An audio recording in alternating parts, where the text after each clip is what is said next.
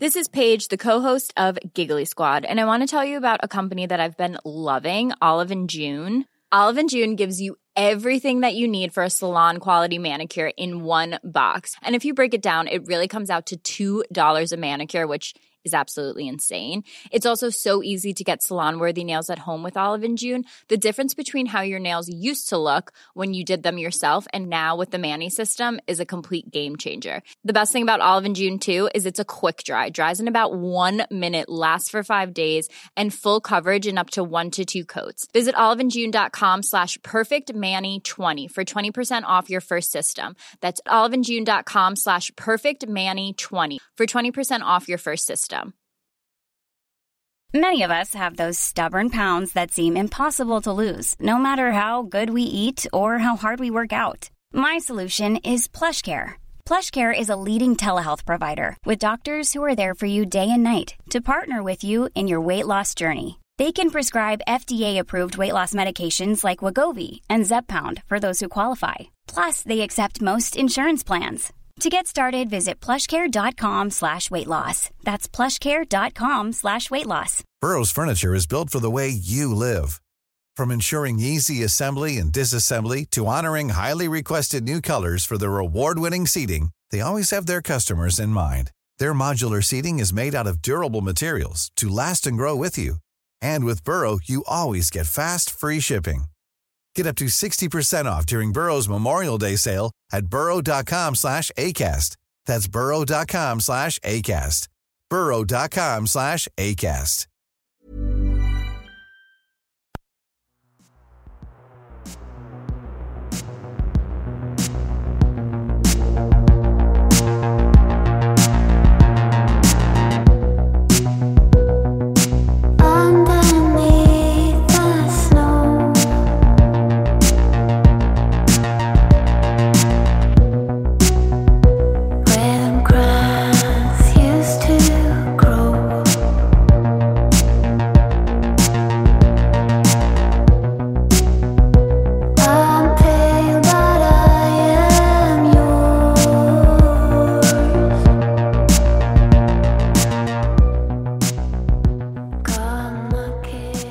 Lösta mord, Silje Redgård, del 2.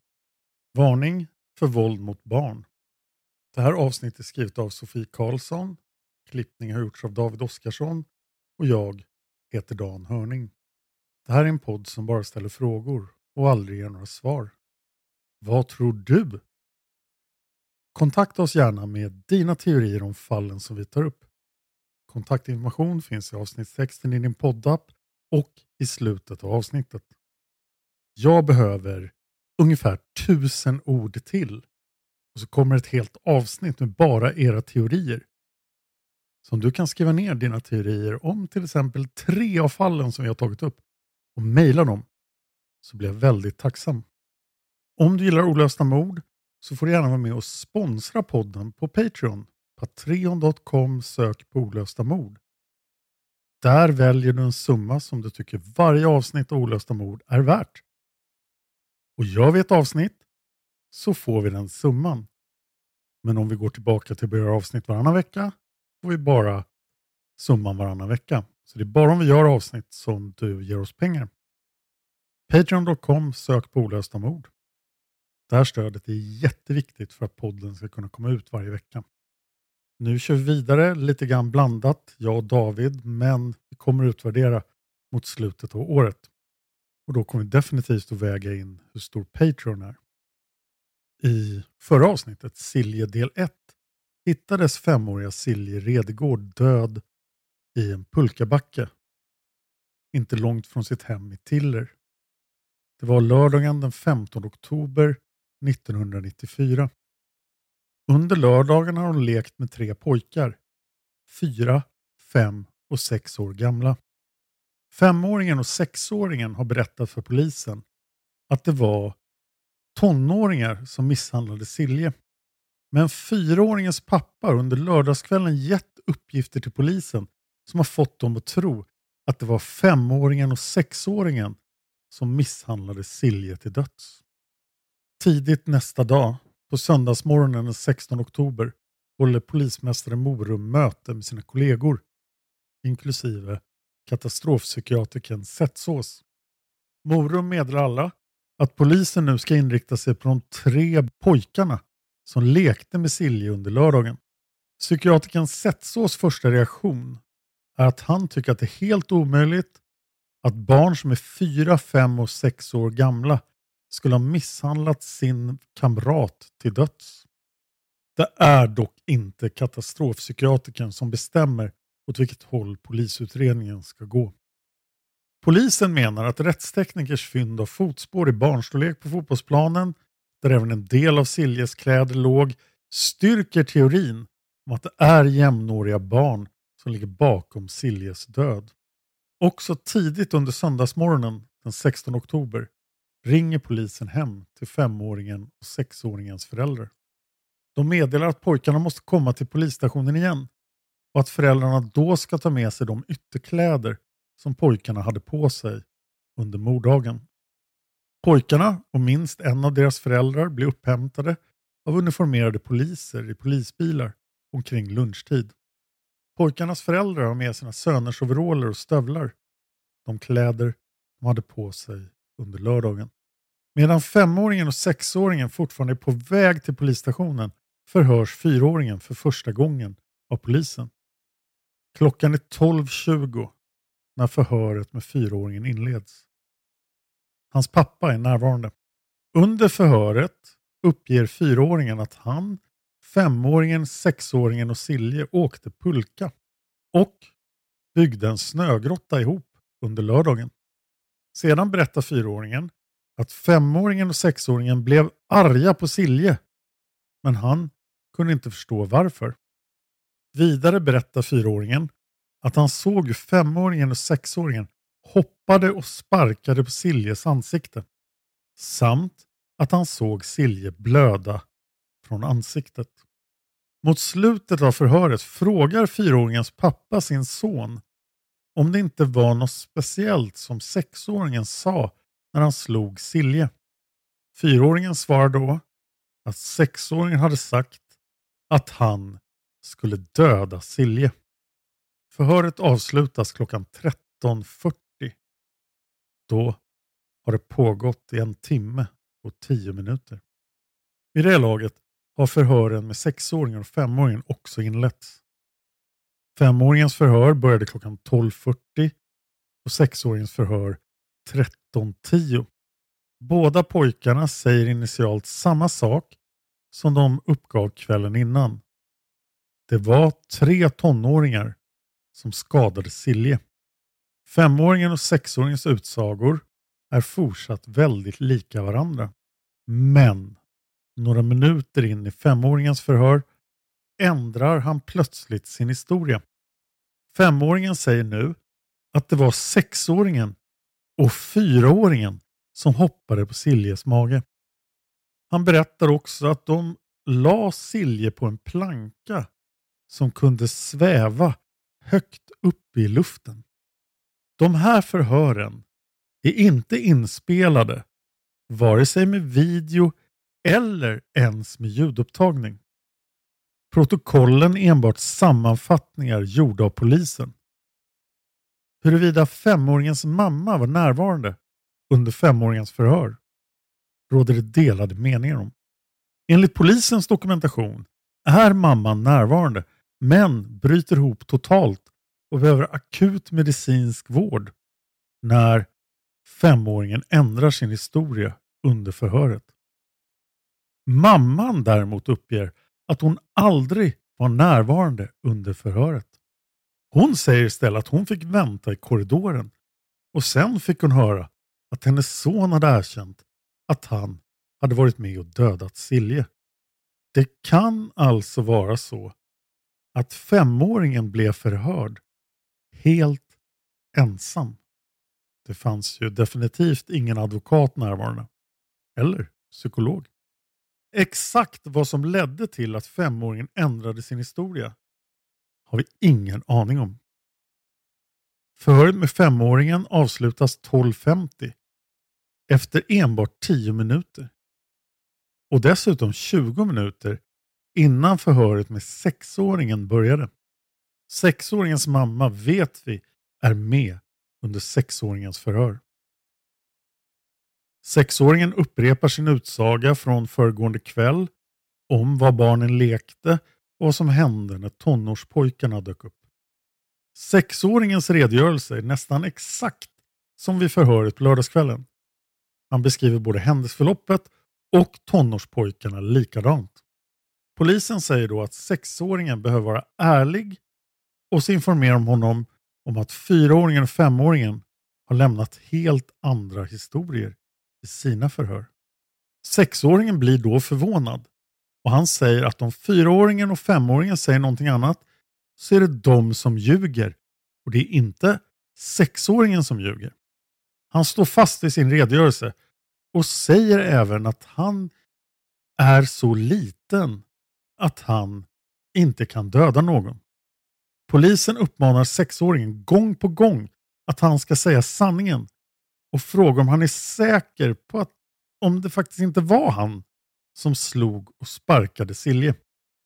Polisen noterar i sin dokumentation från förhöret att sexåringens beteende förändras och att han kryper upp i sin mammas famn. Samt att han upprepar att det inte var han eller de andra jämnåriga pojkarna som dödade Silje. Det låter inte som en så underlig reaktion när polisen anklagar en för mord om man är sex år gammal. Polisen säger att sexåringen måste sluta prata om tonårspojkar som inte finns i verkligheten och istället hålla sig till sanningen. Sexåringens mamma blir förvånad över polisens frågor och deras attityd.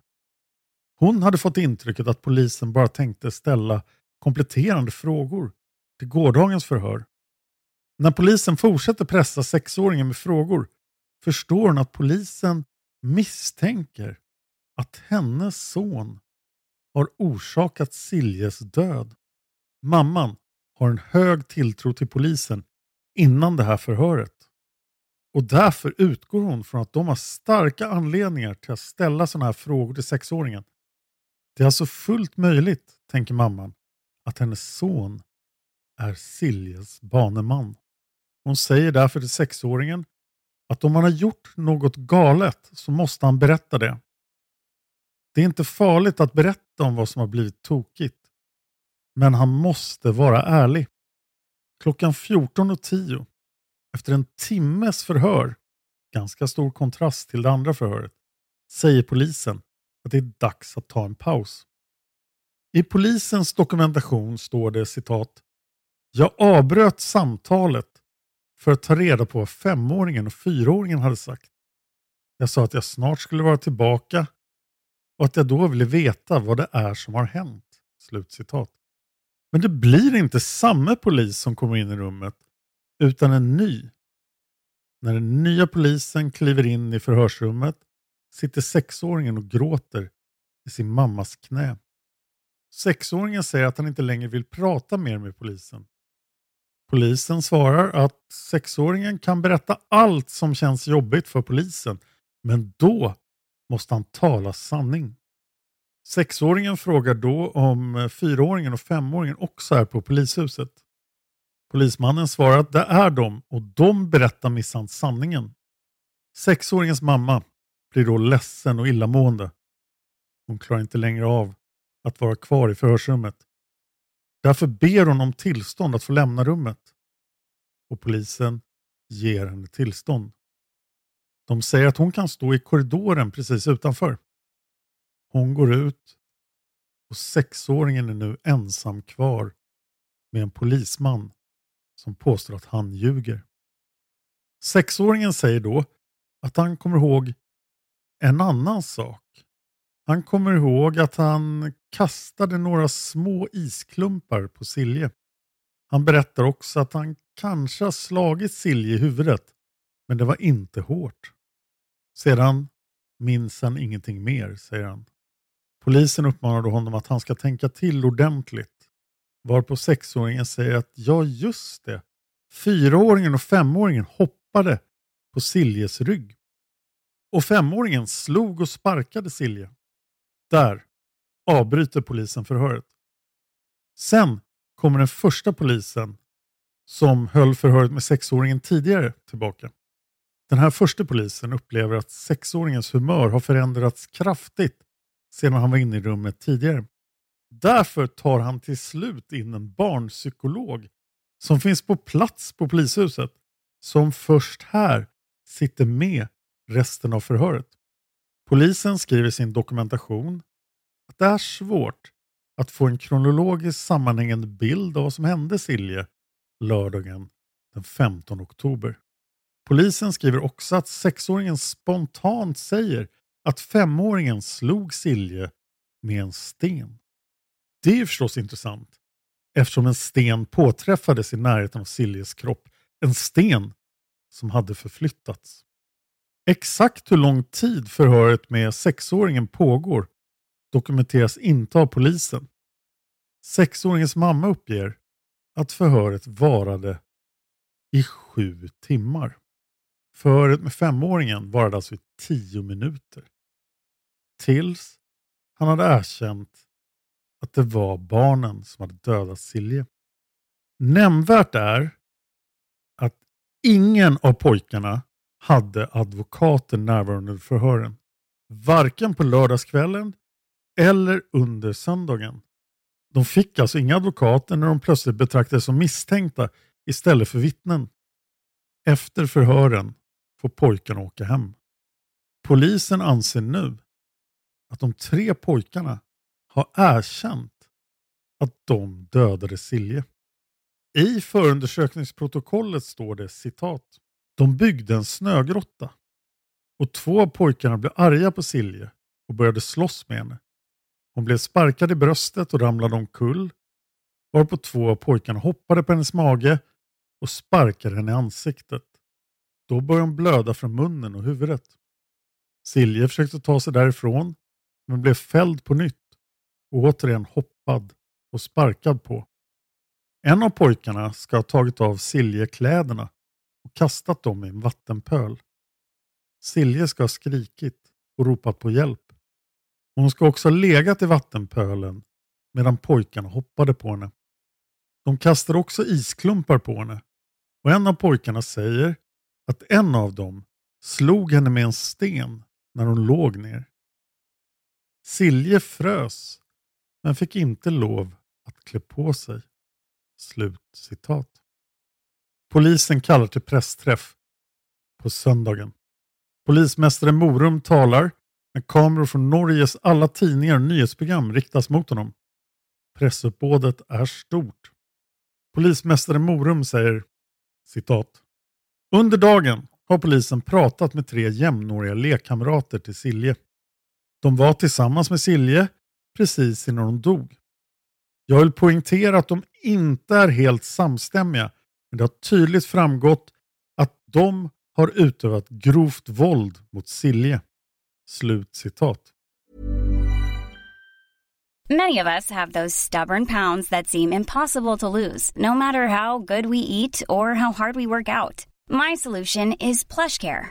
PlushCare is a leading telehealth provider with doctors who are there for you day and night to partner with you in your weight loss journey. They can prescribe FDA-approved weight loss medications like Wagovi and Zepbound for those who qualify. Plus, they accept most insurance plans. To get started, visit plushcare.com slash weight loss. That's plushcare.com slash weight loss. Burrow is a furniture company known for timeless design and thoughtful construction and free shipping, and that extends to their outdoor collection. Their outdoor furniture is built to withstand the elements, featuring rust-proof stainless steel hardware, weather-ready teak, and quick-dry foam cushions. For Memorial Day, get 15% off your Burrow purchase at burrow.com slash ACAST and up to 25% off outdoor. That's up to 25% off outdoor furniture at burrow.com slash ACAST. Hiring for your small business? If you're not looking for professionals on LinkedIn, you're looking in the wrong place. That's like looking for your car keys in a fish tank. LinkedIn helps you hire professionals you can't find anywhere else, even those who aren't actively searching for a new job but might be open to the perfect role. In a given month, over 70% of LinkedIn users don't even visit other leading job sites. So start looking in the right place. With LinkedIn, you can hire professionals like a professional. Post your free job on linkedin.com slash people today. Det här är alltså ett uttalande som polismästare Morum gör 34 timmar efter att Silje hittades död i pulkabacken. Det är baserat på tre barns vittnesmål, varav två har ändrats, samt fotspår i barnstorlek i närheten av Siljes kläder på en fotbollsplan där barn ofta lekte. Polisens teori om händelseförloppet är följande. Fyraåringen, femåringen och sexåringen började misshandla Silje uppe på fotbollsplanen ovanför pulkabacken. Klockan var omkring 12.30 när misshandeln påbörjades. Exakt hur polisen har kommit fram till det klockslaget är högst oklart. Det var uppe på fotbollsplanen som pojkarna tog av en del av Siljes kläder. Sedan hade de rört sig mot pulkabacken där misshandeln fortsatte. Nu sparkade de och hoppade på Silje och slog henne med stenen och roten som rättsteknikerna hittade i pulkabacken. När Silje låg still hade pojkarna blivit rädda och sprungit därifrån. Klockan var då 13.45, det vill säga Silje hade gott om tid att dö av hypotermi.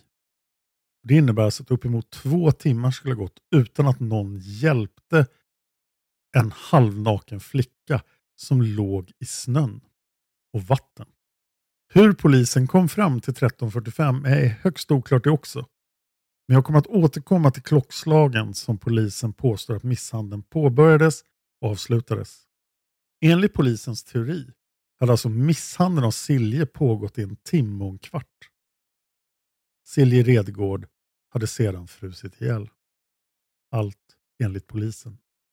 Någonting som är värt att fundera över kring polisens teori är att de ju faktiskt har stenen och roten som bevismaterial. En rimlig sak att göra då, skulle man kunna tycka, skulle vara att analysera stenen och roten och titta om det fanns några ledtrådar som indikerar att stenen och eller roten faktiskt har använts som tillhygge i en misshandel. För sånt lämnar spår. Det här hände inte på stenåldern. Det var 1994. Och då var det möjligt för polisen att undersöka om det fanns till exempel fibrer från textilier, blod eller hudrester på stenen eller roten. Men den här undersökningen görs inte. Polisen utför heller ingen teknisk undersökning av pojkarnas kläder som de ju har tagit i förvar. De kontrollerar inte pojkarnas kläder efter blod eller hudrester eller tecken på någon form av våld. Polisen gör överhuvudtaget ingenting mer med varken stenen, roten eller kläderna. Det enda de gör är att fotografera föremålen samt i skrift bevara dem. Nu tycker Trondheimspolisen att den här saken är fullt utredd. Rättsläkarna som har undersökt Siljes kropp får information av polisen att det är barn som har orsakat Siljes död. De tackar för den informationen och gör ett tillägg till den rättsmedicinska rapporten om att skadorna på Siljes kropp är förenliga med att det är barn som har orsakat dem. Åklagarmyndigheten granskar polisutredningen och sen får polisen beröm för en snabb och väl utförd utredning. Pojkarna kan ju enligt norsk lag inte genomgå en rättsprocess.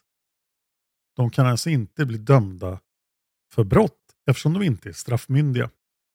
Därför lägger polisen här ner hela utredningen och överlämnar pojkarna till socialtjänsten. Det behövs alltså ingen rättegång eftersom pojkarna inte är straffmyndiga. Det går inte ens att ha en rättegång. Polisen informerar Siljes familj om att tre pojkar, fyra, fem och sex år gamla, har orsakat Siljes död. Polisen säger också att de inte tänker lämna ut namnet på pojkarna eftersom de måste skyddas och behandlas. Dagarna efter beskedet om att polisutredningen har lagts ner går Siljes bonuspappa Jörgen och mamma Beate hem till sexåringen för att tacka hans mamma. De har fått veta att det var hon som försökte göra hjärt och lungräddning på Silje. Det är i alla fall vad Jörgen säger angående anledningen att de går dit. Men sexåringens mamma säger att Jörgen och Beate kom till henne eftersom de ville ha tröst. Under besöket sätter sig sexåringen i Jörgens knä. Och vid det här laget vet alltså varken Jörgen eller Beate att sexåringen precis har blivit bedömd av polisen att vara Siljes mördare. Enligt Jörgen och Beate upprepar sexåringens mamma att hon försökte rädda Siljes liv och sen säger hon att hennes son inte visste vad han gjorde. Beate reagerar och frågar vad hon menar med det. Då berättar sexåringens mamma att det är sexåringen som orsakade Siljes död. Det har polisen sagt. Så här berättar Jörgen om besöket till tidningen The Guardian 2010. Citat. Jag tittade på sexåringen och frågade honom Vad gjorde du? Han svarade Jag hoppade på Silje eftersom jag trodde att hon sov. Sedan sa han att han tog av henne kläderna eftersom han trodde att hon sov. När vi fick reda på att det var han, sexåringen, pojken framför oss, som hade gjort det, då gick vi. Det blev för svårt. Jag ville strypa honom och var klar med det. När jag insåg att jag nästan ville döda sexåringen, då gick vi därifrån. Slutcitat. Ganska kort efter det här besöket får Jörgen och Beate reda på att även fyraåringen och femåringen påstås vara inblandade i Siljes död. De visste att det var tre pojkar, men de förstod inte vilka tre pojkar det var till en början. Mordet på Silje Redegård, mordet i Pulkabacken, får en otrolig medial uppmärksamhet. Inte bara i Norge, utan hela Europa.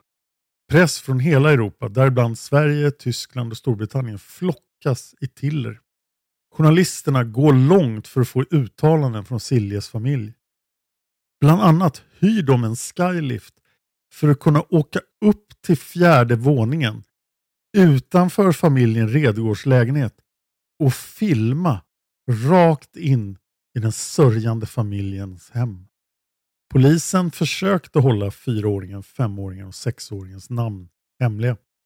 Det gick inte alls. Deras identiteter blir snart kända för hela världen. Men jag kommer inte avslöja dem här ändå. I femåringens brevlåda ligger det plötsligt hotbrev där det står att pojkarna är avskyvärda monster och de borde dödas. Fyraåringen, femåringen och sexåringens familjer vågar inte längre lämna sina hem. De sitter inlåsta med gardiner fördragna för varje fönster så att det inte ska dyka upp en skylift utanför och filma in hos dem också. Debatten rasar i media. Vad kan få barn att mörda barn? Och några resonerar att det är självklart att anledningen måste vara TV. TV-våld. Debatten fanns redan på 80-talet om videovåld. Och det är givetvis orsaken. För våldsamma barnprogram som till exempel Power Rangers och Teenage Mutant Ninja Turtles. Det är tv-serier som får barn att bli våldsamma mot varandra. Sådana där våldsamma tv-serier byggda på att huvudkaraktärerna slåss.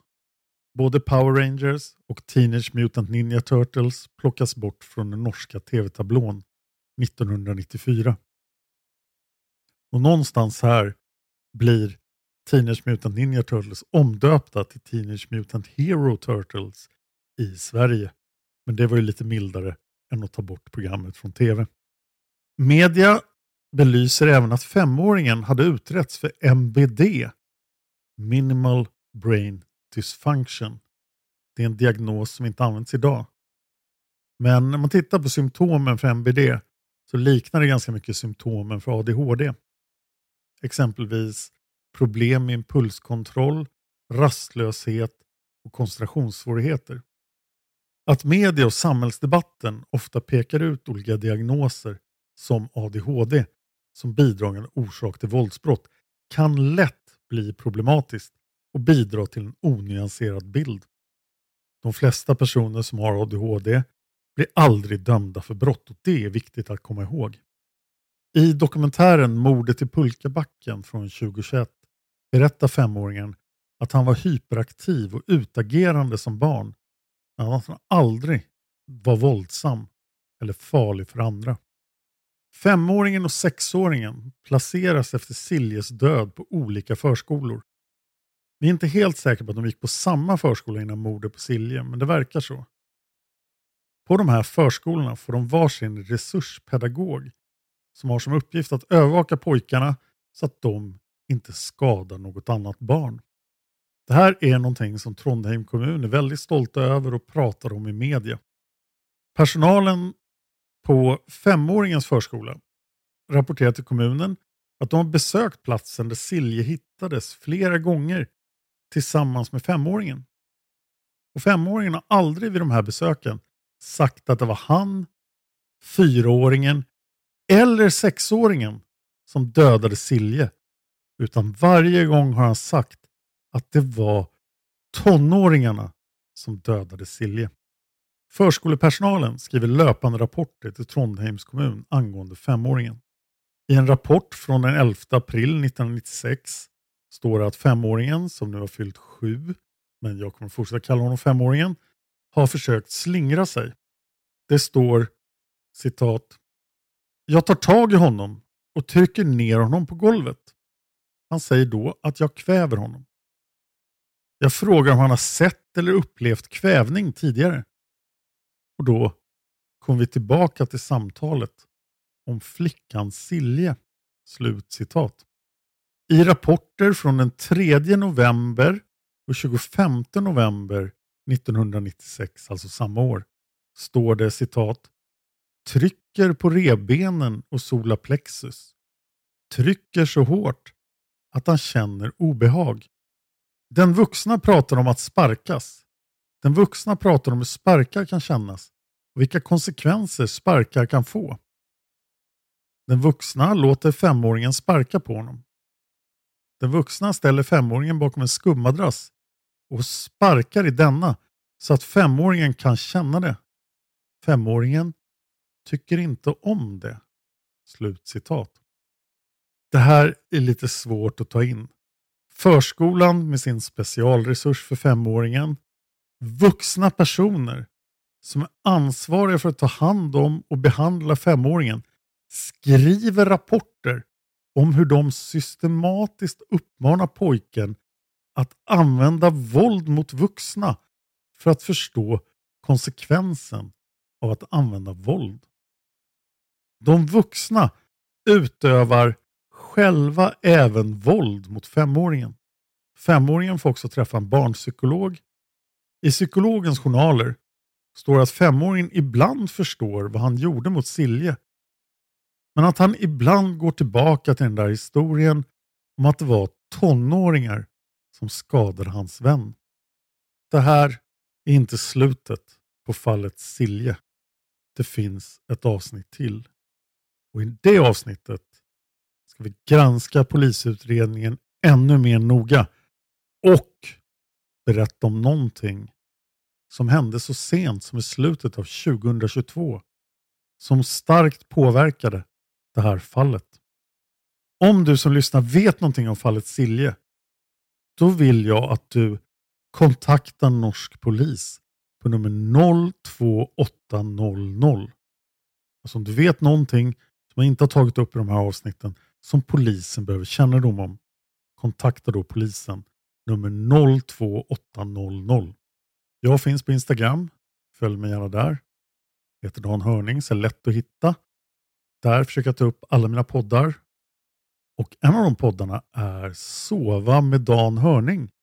Om du har svårt att somna på kvällen kan du ju prova att lyssna på när jag försöker vara så tråkig som möjligt och ha lite sövande musik i bakgrunden och berättar om vitt skilda ämnen som till exempel moln, deklarationsblanketter, ekorrar och redovisning. Sova med Dan finns överallt där olösta mord finns. Jag vill jättegärna att du mejlar simwaypodcast.gmail.com Simwaypodcast, Simway med Z och berättar vad du tror om minst tre av alla de fallen vi har tagit upp. Så kommer jag att berätta era teorier för alla andra lyssnare. Så kan vi diskutera vad det var som faktiskt hände i alla de här fallen. Ja, alla fall. Även inklusive Sven Sjögren eller Viola. Tack till Sofie Karlsson som har skrivit det här manuset. Tack till David Oskarsson som har klippt det. Tack till Trippnaha för låten Immune. Och tack till dig för att du lyssnar på Olösta mord.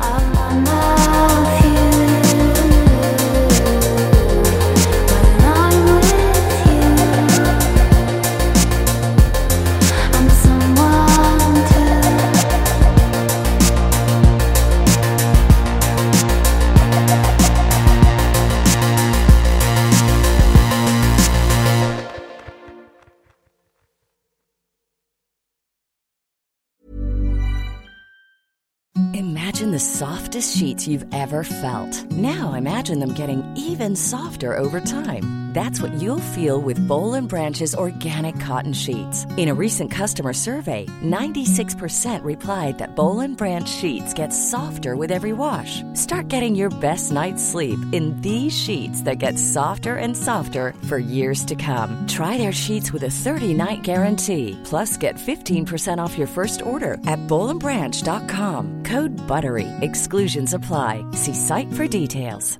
Planning for your next trip? Elevate your travel style with Quince. Quince has all the jet setting essentials you'll want for your next getaway, like European linen, premium luggage options, buttery soft Italian leather bags, and so much more. And is all priced at 50 to 80% less than similar brands. Plus, Quince only works with factories that use safe and ethical manufacturing practices.